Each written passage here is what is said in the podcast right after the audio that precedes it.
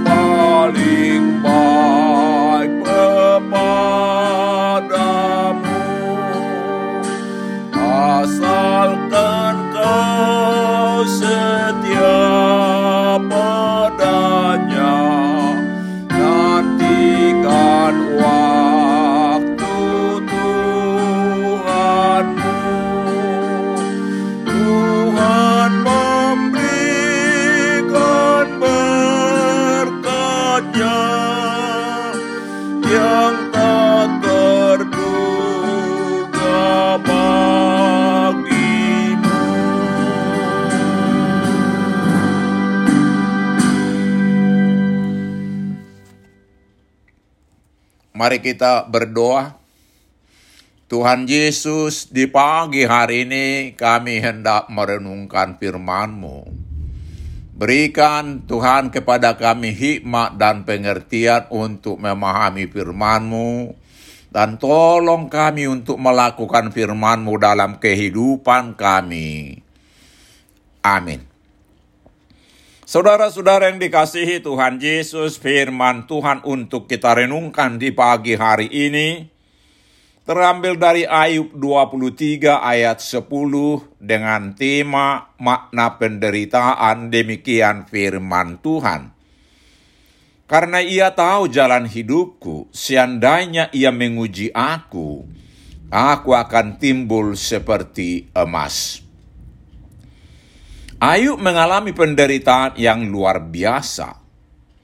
Semua hartanya, anak-anaknya habis seketika. Bahkan tubuhnya pun dipenuhi dengan barah yang busuk. Sangat menyakitkan. Namun di pasal pertama ayat 20 dikatakan, dalam kesemuanya itu Ayub tidak berbuat dosa dan tidak menuduh Allah berbuat yang kurang patut. Justru dia memuji Tuhan.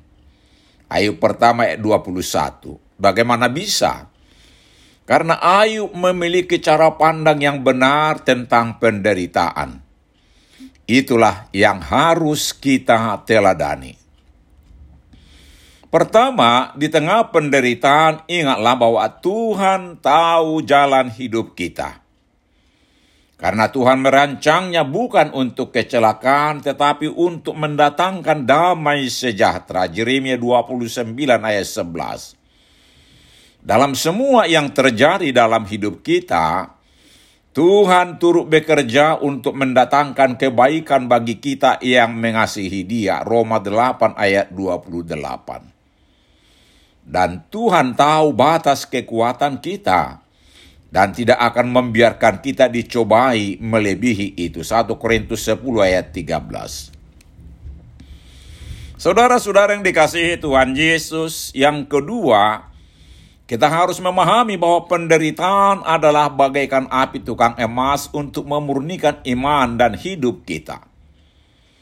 Tuhan tidak menginginkan kita hanya bagaikan bongkahan emas yang tak bernilai. Tuhan menginginkan kita menjadi emas murni yang berkilau dan bernilai tinggi. Untuk itulah harus dibakar dengan api yang sangat panas. Dan salah satu api Tuhan untuk membuat iman dan hidup kita menjadi murni dan berkualitas adalah melalui penderitaan. Dengan pemahaman seperti ini, kita akan tetap bertekun dan mampu memenangkan penderitaan kita. Amin. Mari kita berdoa. Ya Tuhan Yesus, kuatkan kami menghadapi penderitaan karena Engkau mengenal kami dan Engkau menguji iman kami agar menjadi iman yang murni. Amin. Tuhan Yesus memberkati kita.